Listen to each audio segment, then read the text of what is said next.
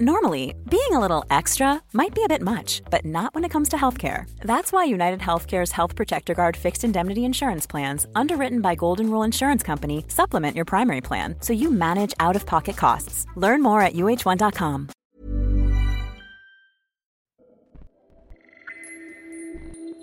كل خلية بجسمي كانت ترجف حاسة إن أنا عايزة أخرج من جسمي تجارب وحكايات عن الجسد والذات وما بينهما هنا شبكة Kerning Cultures تستمعون لبرنامج جسدي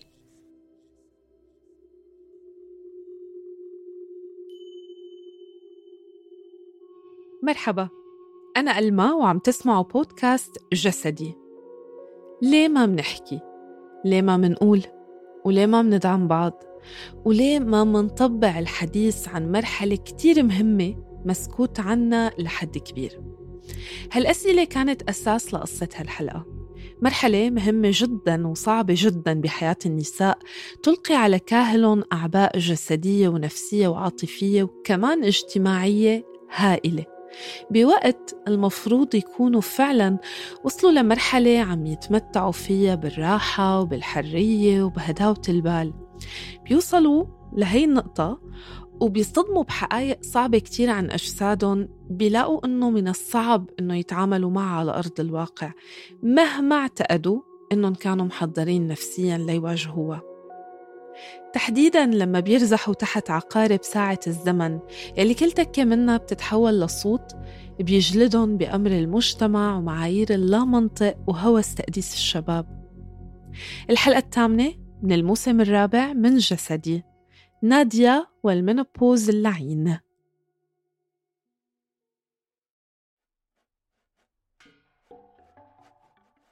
كان نفسي أبقى الست اللي فاتحة ذراعيها للحياة ومراحلها المختلفة بابتسامة هادية واحتضان لنفسها وللجميع. مش دي الست الخمسينية اللي بتبقى في خيالنا؟ صاحبة الحب والحكمة والتضحية. كان نفسي أبقى الست اللي بتفكر في المنوباز على أنه مرحلة جديدة ومختلفة من مراحل الحياة ويا هلا بيها وبتغيرات الجسد والعقل. والله أنا كان هدفي أبقى هذا الشخص.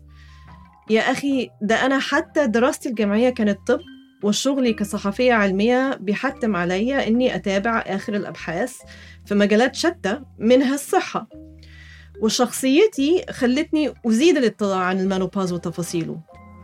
ده أنا عندي بدل الكتاب يجي أربعة أو خمسة في الموضوع ده كنت عايزة أبقى مستعدة ما هو أنا لو فاهمة اللي جاي هعرف أتعامل معاه بشكل متزن لكن هل ده اللي حصل؟ هل ده اللي حصل؟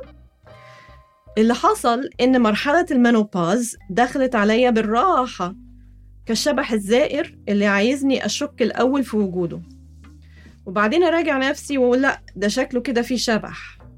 وبعدين أراجع نفسي تاني وأتأكد إنه فعلا شكله كده فيه شبح. وفجأة يظهر الدليل الدامغ اللي يخليني أتأكد مليون في المية ده فيه شبح. يا لهوتي! وفزع بقى. ما هي الأعراض مش زي اللي مكتوبة في الكتاب. كل حاجة متلخبطة. نفسيتي متلخبطة ومش عارفة أحدد ليه وجسمي عمال يبقلظ في حتت كده عمرها ما بقلظت فيها. من غير ما أغير نظامي إطلاقا والطاقة بتاعتي راحت ومرجعتش راحت ومش عارفة أجيبها من فين تاني أصلا. والمخ يا دي المخ المخ مش عارف يفكر. أقعد على مكتبي أبص على البحث اللي في إيدي عشان أفهمه وبعدين أكتب عنه خبر. ألاقي الكلمات متداخلة في بعض ملهاش أي معنى يعرف مخي يترجمه.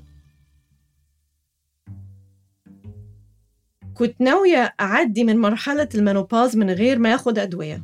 أنا يا عالم عشت حياتي كلها من غير ما بلبع في ولا قرص واحد من أقراص منع الحمل. نادية العوضي ما بتبلبعش هرمونات ولا هتبلبع هرمونات. نادية العوضي ما بترضاش حتى تاخد أقراص فيتامينات ومكملات غذائية. كل حاجة موجودة في الأكل. لو أكلت أنا أكل صحي هاخد كل اللي أنا محتاجاه. يقوم مخي يتوقف عن العمل. فأكلم الدكتور وأقول له هات يا راجل الهرمونات اللي عندك. نادية دخلت مرحلة المنوباز ولا يمكن أعرف أعدي المرحلة دي لوحدي كده من غير مساعدة خارجية. لما كلمت الدكتور وأخدت الهرمونات بدأت أفك شوية. مخي ظبط ورجع يفكر. بعض طاقتي رجعت نفسيتي استقرت شوية والتوتر اللي كان زاد قل. لكن دي ما كانتش نهاية المشكلة. دي كانت بدايتها بس. جسمي في المرحلة دي بيمر بتغيرات جسيمة والهرمونات بتطلع وتنزل. ومع الوقت الجرعة بتاعة الهرمونات مش نافعة ومحتاجين نغيرها. لغاية دلوقتي غيرت الجرعة بتاعة الهرمونات يجي أربع مرات. كل مرة أتحسن فترة وبعدين الدنيا بتسوق. لحد ما آخر مرة قلت لنفسي يا نادية اتعلمي إزاي تحتضني المرحلة. كفاية مقاومة. مش لازم كل حاجة مقاومة مقاومة مقاومة. اهدي كده وافتحي ذراعيكي للحياة وتغيراتها ولزقي ابتسامة كده على وشك يمكن الدنيا تضحكلك احتضنت يا ست المرحلة وبقيت حنينة مع نفسي. أنا من منتصف تلاتيناتي تقريبا وأنا منتظمة في الرياضة وبهتم إني أنظم لنفسي مغامرة كل سنة أو سنتين وبشتغل مع أكتر من جهة في نفس الوقت. ده غير في الشغل يعني وده غير مسؤولياتي تجاه أسرتي. دخلت مرحلة خليكي حنينة مع نفسك.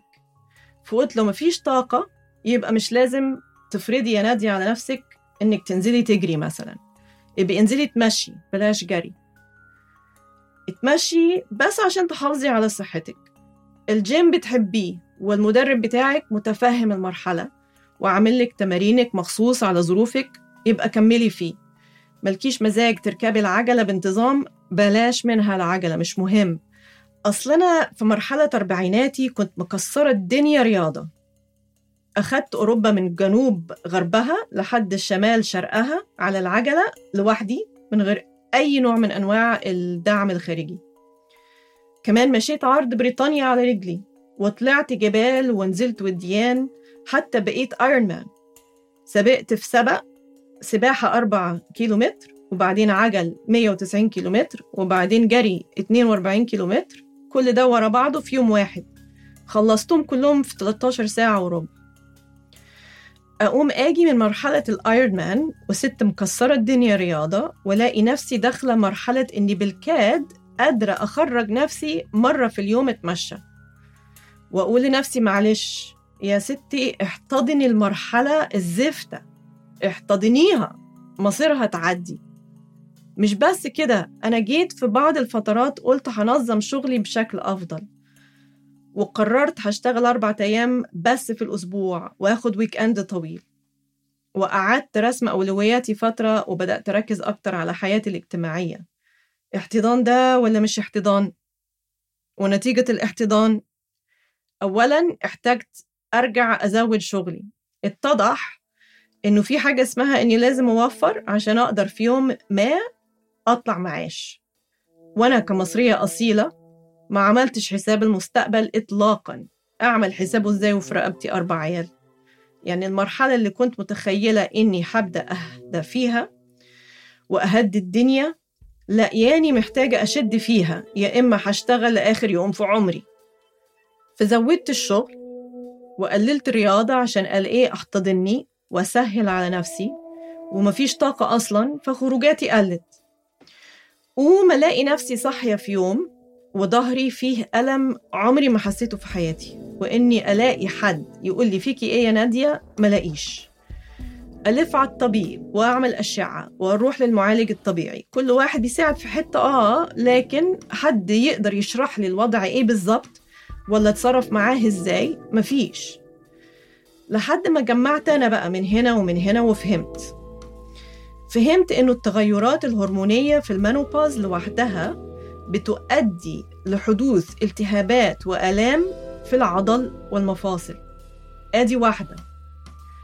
وأنا حنيتي مع نفسي والشغل الزائد أدوا إلى إني بقيت أقعد أكتر وأكتر على مكتبي وقللت رياضاتي عشان مفيش طاقة أعمل رياضة وبالتالي في قلة حركة أكتر ما كنت مقدرة. ساعة في اليوم حركة وباقي 23 ساعة في اليوم مفيش حركة. يبقى أكيد الجسم هيشتكي وديه اشتكى شهر ونص أوجاع وآلام. لكن الشهر ونص دول فوقوني الصراحة. أنا لازم ألاقي حل وسط ما بين إني أكون حنينة مع نفسي وما بين إني أحافظ على صحتي عشان أعديني على خير من المرحلة الزبالة دي. ورجعت أقرأ تاني. قلت يمكن في معلومات فاتتني لما كنت بقرأ قبل كده. وبدأت أستوعب أكتر قد إيه المرحلة دي بتختلف من شخص لشخص وإني لازم أتعامل مع نفسي كنفس كاملة على بعضها.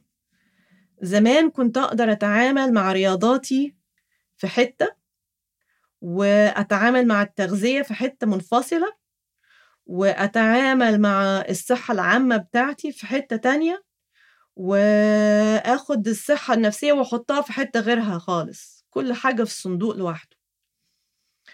دلوقتي كله بقى مرتبط ببعضه بشكل واضح ولازم ألاقي حلول علشان أتعامل مع النفس بتاعتي على بعضها. بقيت أصحى الصبح وأتحرك ساعات حتى قبل ما أفطر. بلبس وأنزل رغم ظلمة الطريق في بريطانيا في الشتاء. أنزل وأتمشى أو أتمشى بس كده وخلاص أو أتمشى نروح لحد الجيم وأنزل حمام السباحة تلت ساعة وبعدين أرجع تاني مشي. أو ساعات أركب العجلة اللي في البيت ساعة حسب إحساسي لما أصحى. مش مهم يبقى في جدول رياضة. كان زمان كنت دايما أبقى عاملة جدول. دلوقتي مش لازم يبقى في جدول. المهم إنه أصحى الصبح وأتحرك. ده بيساعد إن المفاصل بتاعتي وعضلاتي كده تلين تلين كده على الصبح وبيساعد على تقليل الألم. بعدين أفطر بقى وأبدأ شغلي وأقوم أكتر أثناء يوم العمل وأتحرك. وبعدين أركز في اللي باكله أكتر وأحاول أنوع أكتر عشان أشوف إيه اللي ماشي مع جسمي أحسن. ولما أخلص يوم العمل أنزل تاني أتمشى أو أروح الجيم برضو من غير جدول. غير إني يومين في الأسبوع بروح الجيم مع المدرب. الباقي كله حسب المزاج. المهم إني أتحرك. وكلمت الدكتور تاني وقال لي آه إيه ده؟ جرعة الهرمونات بتاعتك قليلة. لا يا راجل. المهم هيزودها لي ويا رب ده يحسن الطاقة بتاعتي نسبيا. المشكلة إن أنا جوايا غضب زي ما أنتوا شايفين. بحاول أحتضن المرحلة بس جوايا غضب. مش لاقية نظام صحي متكامل يساعدني ويدعمني. وده اللي أنا محتاجاه دلوقتي. مش نافعني أتكلم مع دكتور للسبع دقايق اللي بيسمحوا بيها هنا في بريطانيا وبعدين أدور على حد يدربني على الرياضة على حدة وبعدين أشوف معالج طبيعي يفك لي مفاصلي على حدة وبعدين يا حبذا ألاقي لي متخصص تغذية يساعدني أفهم الأكلات الأنسب للمرحلة. عايزة حد يديني وقت ويسمعني وياخدني كده على بعضي ويدعمني كشخص على بعضي. أنا كنادية. ما هو المنوباز مختلف من واحدة للتانية. اللي ينفع لفلانة مش بيناسب علانة بقرأ من سنوات عن مفهوم الطب الشخصي اللي هو personalized medicine. وإن كل إنسان وكل مرض عند كل إنسان لازم يتم التعامل معاه بشكل مختلف. لأن أجسامنا مختلفة وتفاصيل أمراضنا مختلفة. لكن إنك تلاقي تطبيق حقيقي للموضوع ده مفيش. أنا عايشة في بريطانيا أهو وما شفتوش. بدأوا يعملوا في بريطانيا مراكز صحية مثلا للمرأة في مرحلة المانوباز لكن كلها مراكز خاصة وأسعارها غالية ومش متأكدة أصلا لو هيبقى ليها فايدة أحسن من اللي بعمله لوحدي. المبدأ بتاع المراكز كويس بس السعر غالي والتطبيق شاكة فيه. جوايا غضب كمان لأسباب تانية. حاسة إن جسمي بيتبهدل حمل ورا ولادة لأربع عيال ثم رضاعة وبعدين تحمل مشاق الحياة وكل شهر دورة شهرية وبعدين تيجي كمان للمرحلة العمرية اللي بتقول يلا شوية راحة تلاقي عاصفة داخلة عليك ليه؟ ليه كل ده؟ وليه ستات مش بتتكلم كفاية عن الموضوع؟ ومش بتدي البعض دعم كافي للمرحلة دي زي ما بتدي للست الحامل. وليه المجتمع العلمي مش مدي تركيز كافي؟ لأنه يفهم التغيرات اللي بتحصل وكيفية التعامل معاها. ليه مفيش مراكز صحية في كل مكان في العالم؟ عشان الست مننا لما توصل المرحلة دي تلاقي اللي يسمع لها وينصحها. هي على بعضها مش يرملها أقراص تكفي كم شهر وعيشي مع نفسك واستحملي وعلى وشك ابتسامة. غضبانة كمان من الصورة اللي الناس متوقعينها من المرأة الخمسينية. صورة الأم المحتضنة الحكيمة. ونضحك لنا ضحكتين لما نلاقيها توترت كده على حاجة بسيطة أو لما حست بشوية صهد طالع من جسمها. أنا نفسي عملت كده مع واحدة من فترة. كنت لسه في أوائل أربعيناتي ساعتها. وست خمسينية قريبة لينا بتشتكي من بعض الأعراض اللي واضح إنها منوباز ساعتها ضحكت ضحكة صغيرة وقلت لها ما هو عادي دي طبيعة المرحلة يا فلانة. أنا فاكرة ساعتها نظرة الإحباط اللي كان في عينيها. مش مني لكن عشان هي تعبانة ومش لاقية حل ومحدش حواليها بيحاول يلاقي لها حلول. أنا بقى وصلت للمرحلة دي. وبقولك لأ بقى مش عادي. عايزة أطلع الست النكدية اللي جوايا ومش عايزة أبقى محتضنة للحياة ومراحلها دايما ومش عايزة أنشر البهجة والسرور على الجميع دايما ومش عايزة أفتح حضني للكل دايما. عايزة اللي يحتضني أنا ويسمع لي أنا ويفهمني أنا ولاقي لي حلول. أنا هلاقي حلول. أنا شاطرة أصلا في الموضوع ده وبدأت إني ألاقي حلولي بنفسي خلاص. أنا كمان بدأت أتكلم مع النادي الرياضي اللي أنا عضوة فيه هنا في بريطانيا وهنبدأ نجمع مصادر للستات اللي في مرحلة المنوباز. مصادر تعرفهم يقدروا يروحوا فين ويتكلموا مع مين. وهننظم محاضرات كمان مع متخصصين. والمحاضرات دي مش بس للستات على فكرة المحاضرات للرجالة كمان عشان يحضروا. ما هو لازم يحضروا لأن الموضوع مهم لينا كلنا مش بس للست اللي بتمر بمرحلة المنوباز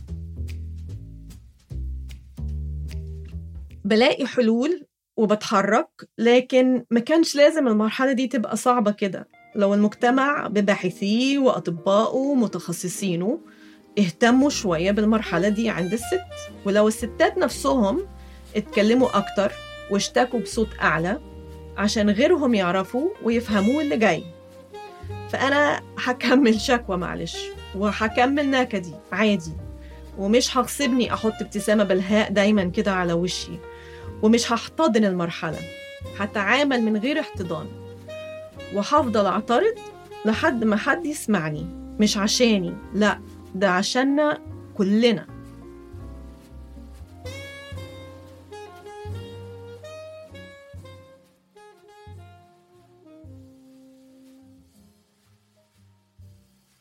شكر كتير كبير لبطلة حلقتنا دكتورة نادية العوضي واللي قامت بالأداء الصوتي لقصتها.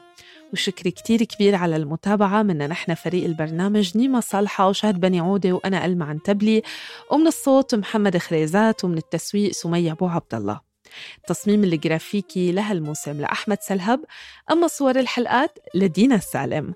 إذا حبيتوا الحلقة ما تنسوا تقيموها وتشاركوها مع محيطكم أو أي حدا بتعتقدوا أنه مهتم بموضوعها لنقدر نوصل لأكبر عدد من الناس. نلتقي الخميس الجاي بقصة جديدة وضلوا بخير.